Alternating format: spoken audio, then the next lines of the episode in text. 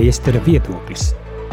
Saruna par sabiedrības aktualitātēm un procesiem un kā tos saprast no kristīga viedokļa.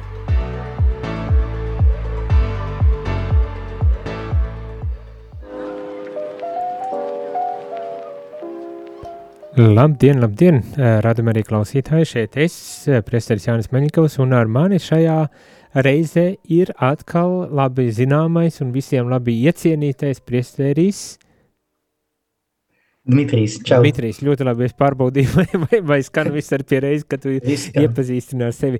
Rādījumā arī klausītāji kārtējais raidījums eh, priestera viedoklis un eh, redzēsim, par kādām tēmām šodien tad runāsim.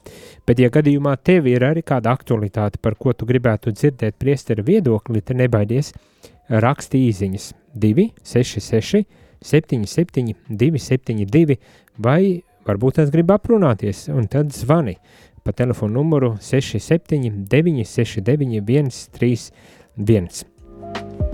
Bet uh, tagad ejot un uzsākot šo sarunu, man kā pirmo gribētos prasīt, kas ir tavas aktualitātes, lai nav tā, ka es uh, tagad savas tā kā piedāvāju, kas man šķiet ir tāda sabiedrībā karstākā tēma šai brīdī. Kas tev šķiet ir tas, par ko vajadzētu padomāt, aizdomāties un varbūt tās pat runāt? Nu, parasti mana diena jau sākās ar to, ka es palūdzu uz breviāru un paskatos ziņas.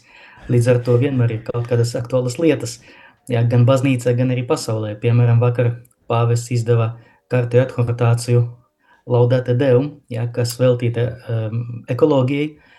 Uh, faktiski tas ir turpinājums tā iepriekšēji, bet arī uh, šodienas ziņas ir mm, mana skatījuma diezgan interesantas, jo um, atkal aktualizējas jautājums par eh, jau to nelaimīgo Stambulas konvenciju, eh, par to, ka mm, Saima faktiski noraidīja šo eh, iedzīvotāju mm, iniciatīvu, ka mēs šo konvenciju nepieņemsim vai noraidīt šīs konvencijas ratifikāciju.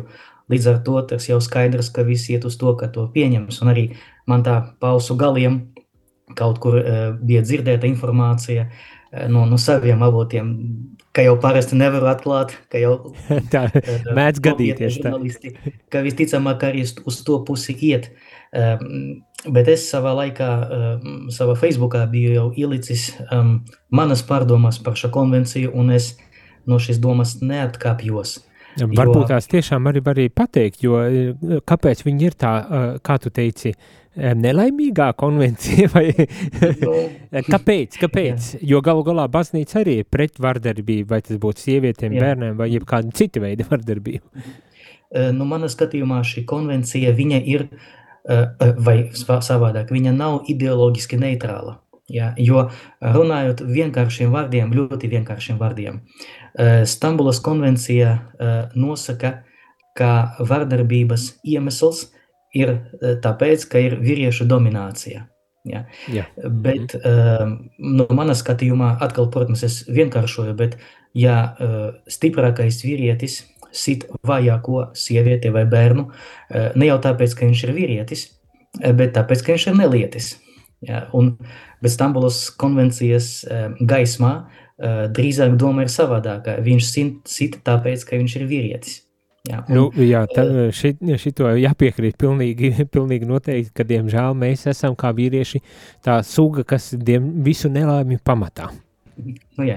un, un līdz ar to šo konvenciju nevar atbalstīt tieši šīs tādas ideoloģiskas neutralitātes trūkuma dēļ, ja, jo viņa tiešām par iemeslu parāda to, kas, nu, es nezinu, vai tas ir tas vienīgais iemesls, jā, protams, uh, Eh, mēs nevaram eh, teikt, ka kultūra neietekmē. Jā, kultūra, tā maskulīniska kultūra, viņa diemžēl, eh, nu, diemžēl vai ne diemžēl, bet viņa tāda ir. Jā, un um, patiešām gadās, ka vīrieši ļaunprātīgi izmanto šo savu parākumu vai fizisko vai mm, plašāk ņemot kultūrālo, bet no otras puses tas nav vienīgais iemesls, un tas nav, manā skatījumā, arī pamatiemesls. Bet Stambulas konvencija tieši vēršas pret šo kā vienīgo iemeslu, eh, kāpēc notiek vardarbība eh, ģimenēs.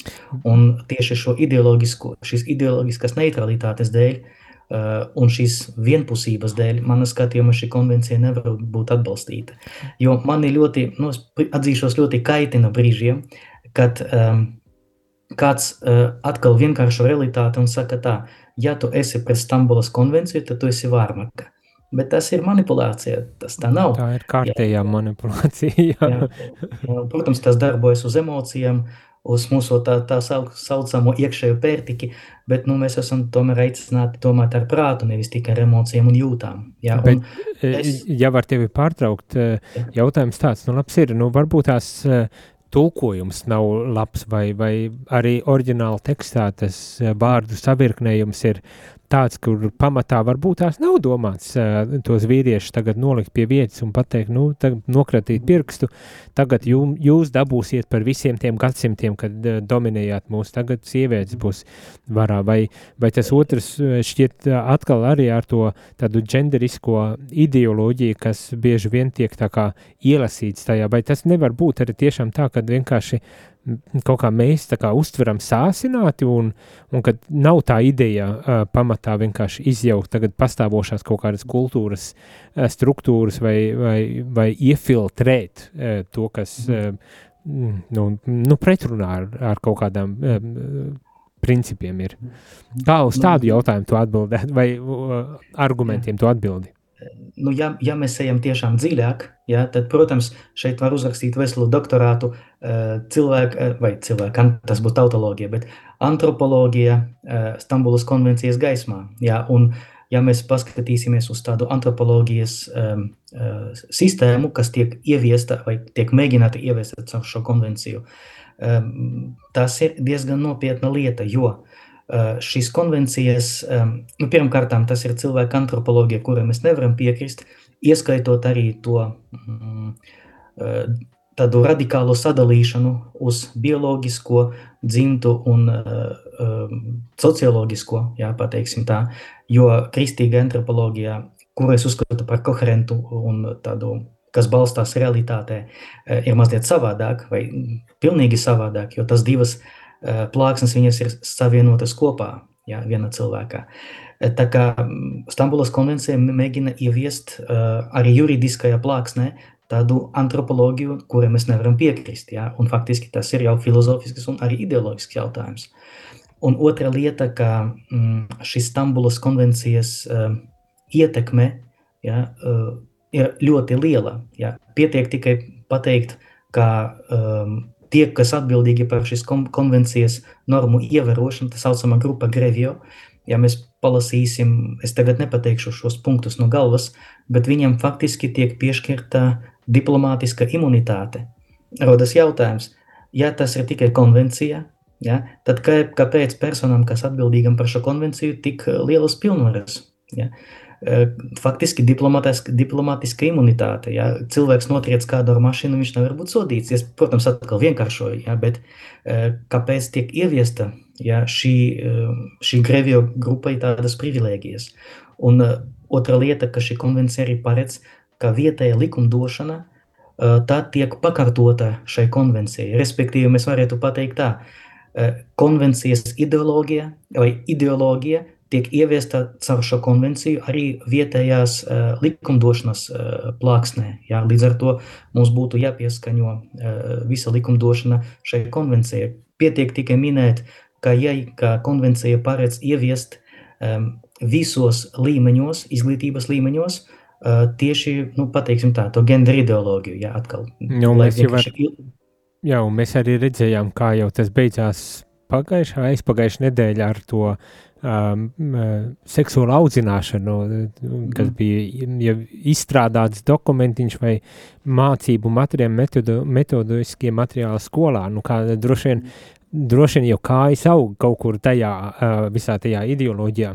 Un es pieļauju, ka arī nevar noliekt, nu, nezinu, vai to var nosaukt par tādu kultūru kariem, kas šobrīd notiek starp uh, starp, eh, es nezinu, eh, vai tas būs pareizi, vairāk konservatīvi vai tradicionāli domājušiem cilvēkiem un tiem, kas atkal uzstāja uz tādām kā gan uz konvenciju, gan uz um, LGBT, nu, nu, tiem geju visādām tiesībām un, un tā tālāk.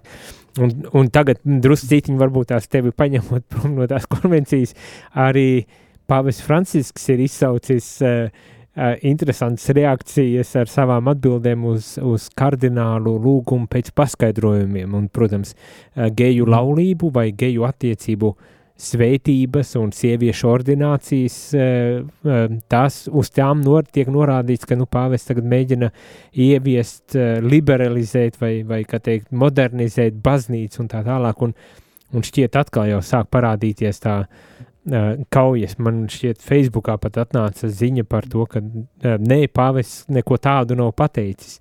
Kas patiesībā laikam atbilst tiesai, kad nepateica, viņš nesaka, vai sveitīsim tagad visus pēc kārtas, bet viņš ļoti diplomātiski to atbild. Nu, ja mēs pateiksim par sabiedrību, sāksim ar to pirmo, tad uh, tas, ka sabiedrība ir daudzi, daudzi cilvēki ar daudziem uh, pasaules redzējumiem, tas ir normā. Ja? Mēs nevaram būt eh, demokratiskajā valstī ehm, tādi cilvēki, kuriem visi ir vienādi uzskati. Ja? Un ja šie uzskati vēl tiek uzspiesti, tad par kādu demokrātisku valsti mēs vispār varam runāt. Paldies Dievam, ka mēs varam priecāties par to, ka mēs dzīvojam šajā demokratiskajā valstī. E, problēma sākas tanī, kad kaut kāda viena, nu, sauksim to par ideoloģiju, nevis šī vārda, protams, negatīva, bet pozitīva nozīmē, ja pasaules redzējuma kopums. Um, ja viena no ideoloģiem tiek uztverta kā dominējoša, kā vadoša, bez tiesībām īstenot vai veidot savu dzīvi, balstīt savu dzīvi uz citiem ideāliem un vērtībām, tad tas jau varētu būt nedemokrātiski.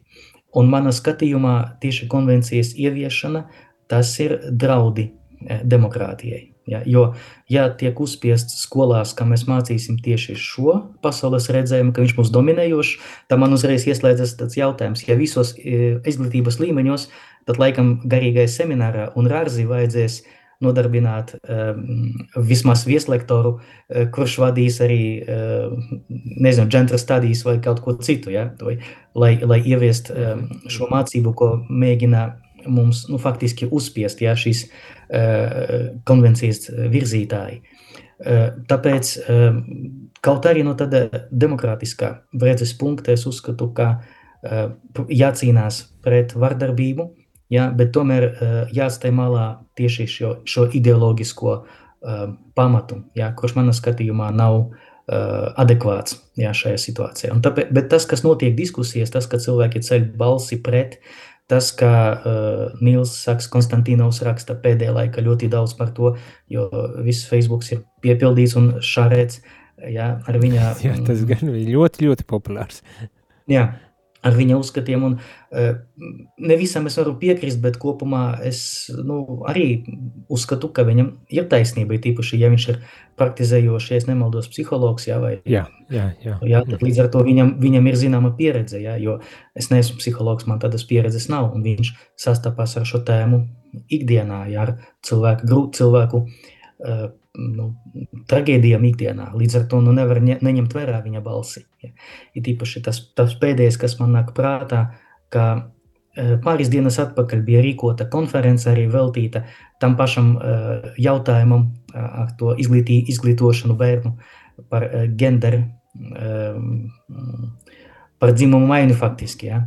Tad arī viņš norādīja ļoti interesantu lietu, ka visi eksperti, kas bija sapulcējušies, viņi nav finansiāli neitrāli, pirmām kārtām, un arī ideoloģiski viņi arī neitrāli nav.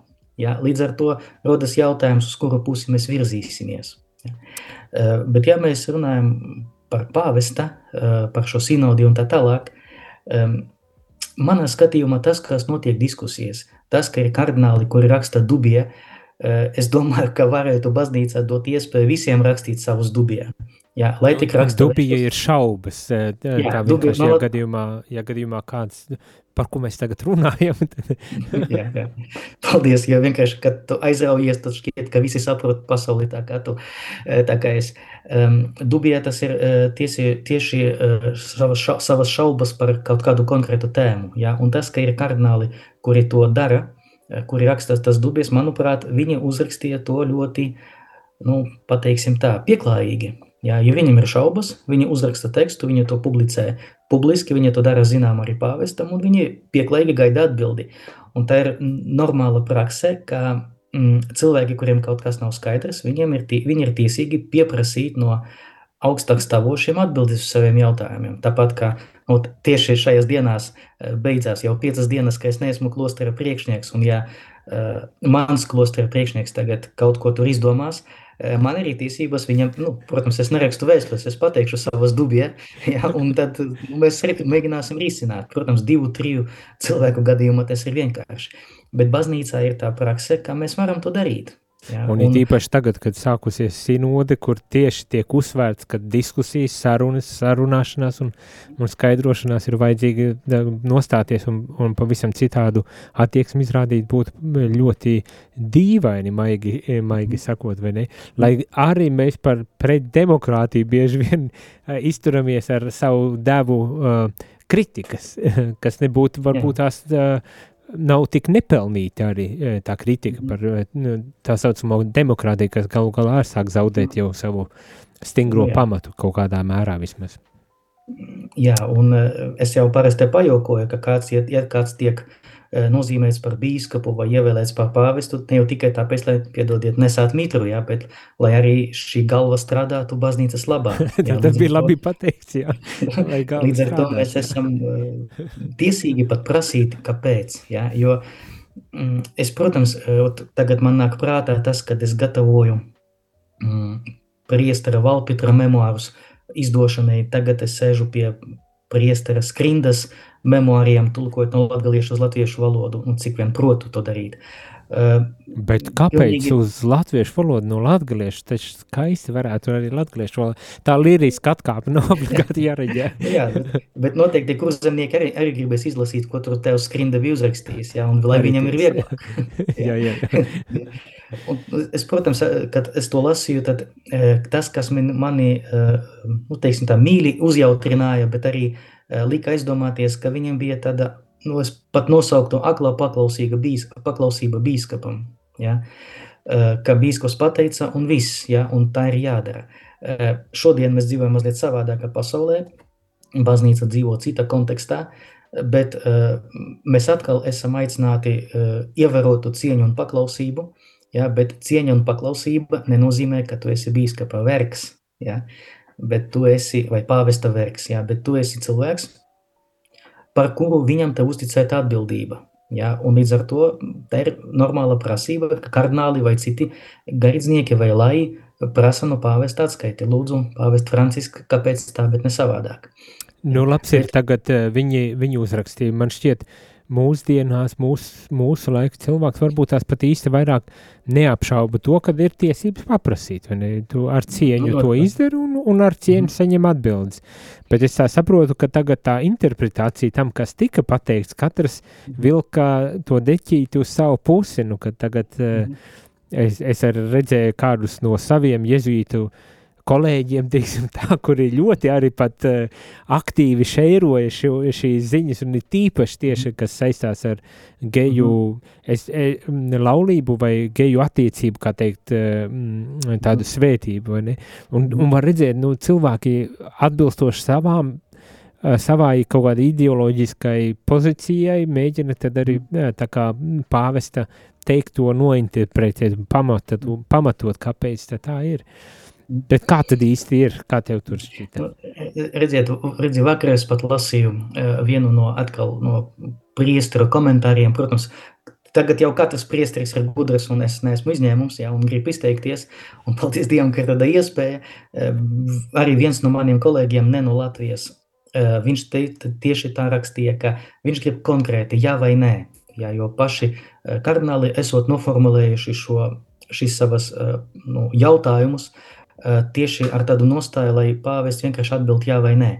Jā, bet tur tā problēma, ka šie ir jautājumi, uz kuriem uh, gribētos, lai būtu jā vai nē, bet uh, tā ir ļoti sarežģīta lieta. Jā, man nāk prātā tāda anekdote par blondīni, jā, lai blondīnes tikai neapvainojas, lai neuzskata par šovinismu, jā, bet um, blondīne jautā vīram, paklausies, dargais, pasaki man tikai jā vai nē, Kāpēc jūs uzskatāt, ka mēs blondīnes esam stulbas? Nē, ja? Jā, protams, ir jautājumi, uz kuriem nav iespējams atbildēt jā vai nē. Un pāvests arī mēģināja atbildēt, bet katra viņa atbilde, manā skatījumā, ir vienmēr jāvērtē kontekstā. Ja? Jo ja mēs paņemsim un izrausim vārdus no konteksta, ja, tad tiešām mēs varam interpretēt nu, tā, kā mums gribās.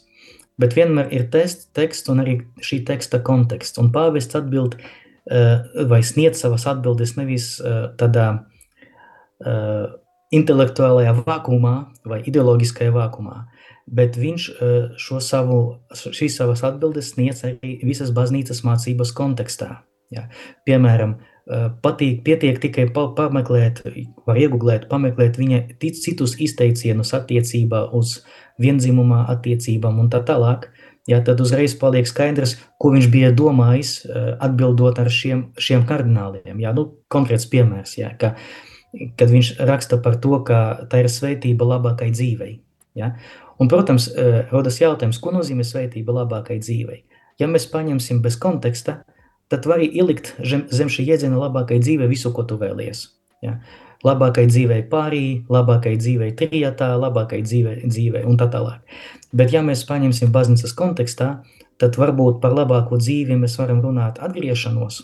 Ja? Un ja uh, kāds uh, dod kādam svētību, uh, tad lai cilvēks atgrieztos, nu, atkal pamēģināsim ar tiem piemēriem. Uh, sežot konfesionālā, protams, ka atnāk cilvēki, kuri objektīvu iemeslu dēļ nevar saņemt grēku piedošanu jeb absolūciju. Tāpēc, ka viņi uh, dzīvo uh, nenoregu, nenoregulētās attiecības, jā, pateiksim mazliet tā skarbāk, jā, izmantojot to tādu terminoloģiju. Uh, bet uh, arī konfesionālais dod svētību uh, labākai dzīvei. Ko tas nozīmē? Lai viņa situācija kādreiz atrisinātos, jā, jo ir situācijas, kuras nav iespējams atrisināt tagad, jā, piemēram, iepriekšējā laulība, laulība izjukusi, bet tagad viņš dzīvo laimīgi. Eh, bet, nu, ja gadījumā kādreiz būs izēja no šīs situācijas, kanoniski pieņemama, tad cilvēks noteikti salauzāsies. Tas nenozīmē, ka es sveitīju grēcīgas attiecības. Ja? Ja tas dodu sveitību, lai šī situācija atrisinātos. Varbūt paies 10 gadi, 20. Ja? Jā, jā. Un, eh, un tieši šajā kontekstā Ja, protams, es atkal, atkal pielieku savu domāšanu, domāšanas veidu pie pāvesta atbildētā, bet es cenšos parādīt arī, ka tas ir nu, tas ekleziālais konteksts, jā, visas baznīcas tradīcijas konteksts. Jā, jo taču mm, atkal to, ko pāvests pateica katru lidmašīnā, jā, tas ir viens lī, līmenis, jā, jo, baznīca, jo pāvesta un arī baznīcas mācības uh, izteikšanas arī ir dažādi līmeņi. Ja? Un pateiktais lidmašīnā spontānā intervijā tas ir kaut kas pilnīgi savādāk, savādāks nekā uzrakstīts enciklikā. Ja? Un, un, jā, tieši tā, un to varbūt tās palaidām arī garām un, un piemirstam, kad uh, nav jau tā, ka viss, kas tiek pateikts, uzreiz ir uh, dievišķā vēsts, uh, kas nosūtīta. Bet, bet uh, Un, un bieži vien man, man šķiet, ka tas uz to tiek norādīts, ka Pāvests Francisks ir tādā ziņā ļoti pastorāli domājošs cilvēks, nu, kad viņa mērķis tiešām ir cilvēks, kuram ir vajadzīga tā atbalsts un, un stiprinājums un iedrošinājums, nu, kad viņš to neatteiks, ne, principā šķiet nevienā gadījumā un darīs visu, lai, lai atbalstītu ar mērķi tiešām nevis lai mainītu mācību, bet lai šo cilvēku, šim cilvēkam nu, neatgrūstu, ne, nepadzītu un mm. dotu iespēju to uzsākt to mainīšanos ceļu. Es arī pilnīgi tādā veidā saskatu gan šos izteikumus, gan arī viss, piemēram, par laulību arī, kad Amoris mm. Letici iznāca, tad arī uh, milzīgi skandāli un, un pārpratumi un viss kaut kas, vai ne? Bet tas tā pastorālā pastorālais pieejams, tas, tas kaut kas tāds, nu, uz ko viņš nepārtraukti norāda un uz ko viņš arī aicina. Mhm. Nu, e, e, ļoti labi varbūt tās aizējām mazā muzikālā pauzītē, un, un lai cilvēki var drusku pārdomāt, varbūt tās kāds grib kaut ko iesūtīt kādā īziņā, lai, lai padalītos ar savām pārdomām, bet pēc muzikālās pār, pauzes būsim atpakaļ un noslēgsim šo uh, um, priesteru viedokli ar īsu, um, um, ar, nu, noslēgsim priesteru viedokli šo raidījumu. Jā, aizķērās. Pēc brīža esam atpakaļ.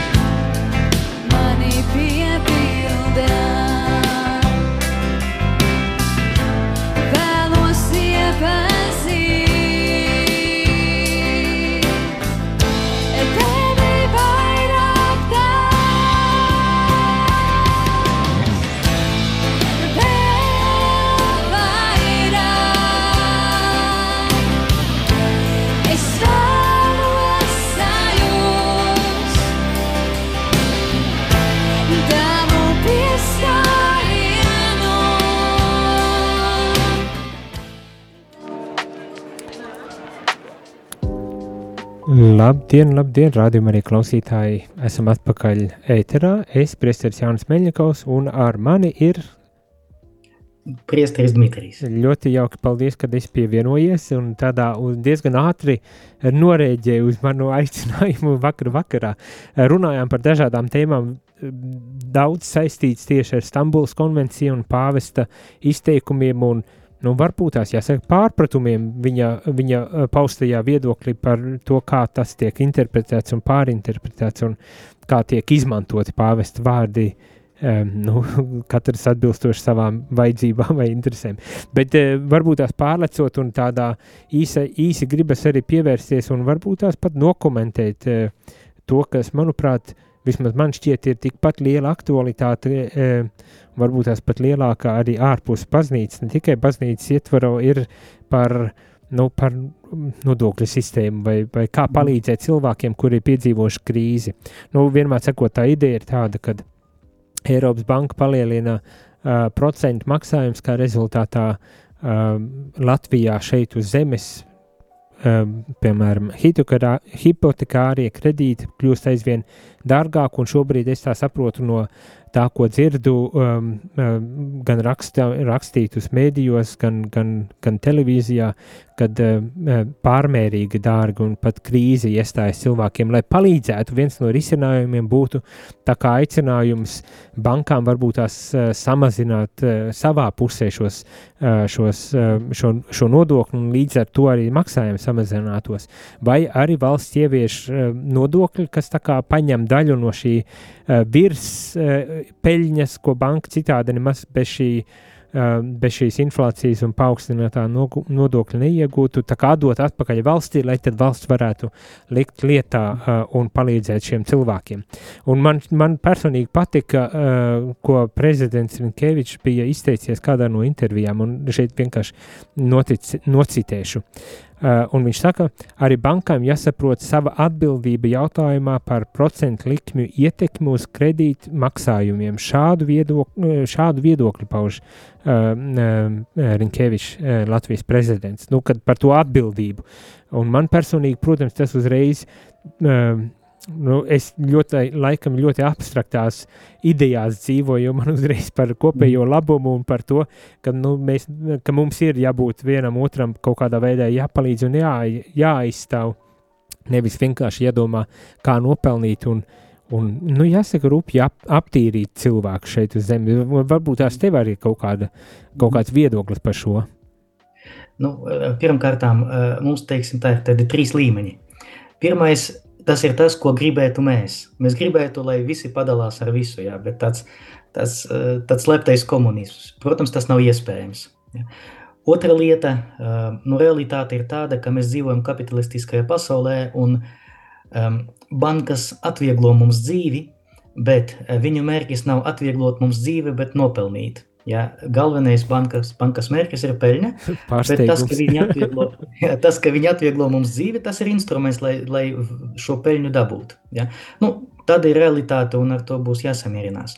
Un līdz ar to, nu, manā skatījumā, valstī ir pienākums būt sociāli atbildīgai, jo nu, bankas nu, nevar viņus piespiest būt sociāli atbildīgiem, ja, jo uh, viņi dzīvo kopumā sakot, lai nopelnītu vairāk. Līdz ar to valstī, manā skatījumā, ir morālas tiesības ieviest regulējumus, lai arī bankas uh, būtu, pateiksim tā, uh, sociāli atbildīgākas. Ja. Protams, šeit iet runa atkal par cilvēku attieksmi, attieksmi un ideoloģiju, ar cilvēku attieksmi un attie, attiecīgo ideoloģiju. Par šo, ar šo vārdu es gribu atzīmēt baznīcas sociālas mācības tos pamat jēdzienus, ar kuriem tā operē, ja, lai veidot pasauli, veidot valsti labāku, ja, vai atbildīgāku, vai solidar, solidārā, solidārāku. Ja. Un šeit es gribētu pievērst tieši uzmanību tai solidaritātei. Ja. Protams, ka mēs nevaram piespiest visus būt solidāriem, ja, bet tā kā mēs dzīvojam vienā valstī, tā kā mēs ievēlam deputātus, kuri pārstāv mūsu intereses, nevis banku intereses, starp citu, ja, jo bankas var lobēt. Vismaz tā vajadzētu būt, jā. Vismaz, vismaz, vismaz tā vajadzētu būt. Līdz ar to valstī būtu jāregu, jāregulē uh, arī šī lieta, ja ir virspeļņa, nu tad um, ko, ko ar to darīt, ja, lai nebūtu um, ka apvainotos bankas, ja, bet lai būtu tā, ka nav tā, ka tu teici, ka bankas aptīra cilvēkus. Jo man prātā nāk arī cita lieta, kad uh, atkal es negribu tur um, aiz, aizvainot kādu, ja, bet kad pateicoties tam, ka cenas gāzes, gāzes tirgū pagājušajā gadā vai šī gada sākumā bija ļoti augstas, arī kompānijas, kas nodarbojas ar gāzes tirdzniecību, guva arī lielu, lielu peļņu, ja, jo, jo tur ir sava sarežģīta sistēma. Ja, un tagad, ko darīt ar viņiem? Ja, jo uh, mēs pārmaksājam tāpēc, ka tāds ir tirgus, Eh, pats, pats tas, kas tirgo, viņš nav ieinteresēts, lai samazinātu cenu, nu tādā gadījumā valstī būtu jāiejaucās. Ja? Es, protams, negribu pateikt, ka tagad jābūt komunismam vai eh, tā saucamai plānu ekonomikai, es esmu tālu no tā. Ja? Bet, esmu, bet otra galība tas ir tā saucamais libertarianisms, ja? ka tirgus not, not, nosaka visu, ja? vismazāk valsts. Tas arī laikam nebūtu nu, tāda laba ideja. Ja? Ne, nu Tāpēc jā. šajā gadījumā prezidentu es varu atbalstīt šajā, eh, šajā domā un ceru, ceru, ka tas nav tikai tāds populistisks eh, paziņojums vai izteiciens, bet arī aiz tām sekos kaut kādi, kaut kādi gudri eh, risinājumi, kas balstās uz solidaritātes principā. Nē, nu jā, un, un galu galā, protams, ka nevienu nepiespiedīsim dalīties ar savu peļņu, ko tu varbūt tās arī esi dažreiz grūti un dažreiz varbūt tās laimes pēc ieguvis un, un, mhm. un uz veselībām savā ziņā. Bet no otras puses mēs jau dzīvojam ar savu veidu tādiem ideāliem, arī demokrātiem. Galu galā tas ir tāds ideāls, kurš gandrīz vai jāsaka tā nepastāv realitāte, jo nu, katram ir savi vēl ievainojumi. Un tā es vienkārši šobrīd tā uh, ātri uh, filozofēju. Ar atbildot, bet es tā, man uzreiz ienāca prātā interesanti. Par, par nu, kas attiecas Stambulas konvenciju, mēs mēģinām izstrādāt visdažādākos, uh, visdažādākās konvencijas, lai tagad uh, tā kā mūsu mentalitātu un kultūru mainītu līdz ar šīm konvencijām. Un kāpēc nevarētu mēs tā kā arī tādu solidaritātes konvenciju uztaisīt, kur, kur runā par šīm lietām. Un gal galā nav jau tikai komunisms, zinām, Skandināvijā šī savstarpējā uzticība un solidaritāte ir ļoti augstā uh, cieņā, piemēram. Un bieži vien valsts skatās uz Skandināviju kā tādu piemēru šajā jautājumā tieši. -hmm. Nu jā, bet tas nav viegli. Jā, bet tas arī cilvēka mentalitāte. Mēs, diemžēl, mums ir savādāka kultūra, un tad jāaudzina arī kultūrālie cilvēki vai cilvēkus attiecīgajā kultūrā. Jā, jā, jā kā... ar konvenciju vien nepietiks, tas gan laikam taisnība. Bet noslēgumā... Gadu desmitiem. Tieši tā, noslēgumā, jo mums jau laiks ir pagājis, gribas nolasīt eh, mazu īziņu no Līves, kura raksta paldies par priesteru viedokļu raidījumu, jo īpaši par humoru devu arī runājot par šīm svarīgajām te tēmām deva daudz prieka. Paldies, tev, Priester Dmitrij, par to, ka pieslēdzies. Ceru, ka arī turpmāk mums sanāks kaut kas tāds uh, okay. satikties un aprunāties par kādām aktualitātēm. Paldies, paldies. Man arī prieks. Paldies arī jums, radio klausītāji, kad eh, bijāt ar mums. Un neaizmirstiet mūs atbalstīt. Rādījumu arī Latviju atbalstīt ar savu ziedojumu, jo tas palīdzēs arī turpmāk skanēt šim raidījumam un daudziem citiem, kas varbūt tās jums vēl ir mīļāki par eh, šo raidījumu. Bet nu, uz tikšanos vēlāk. Izskanēja raidījums Priesteru viedoklis – saruna par sabiedrības aktualitātēm un procesiem, kas bija iespējama pateicoties jūsu ziedojumam. Paldies!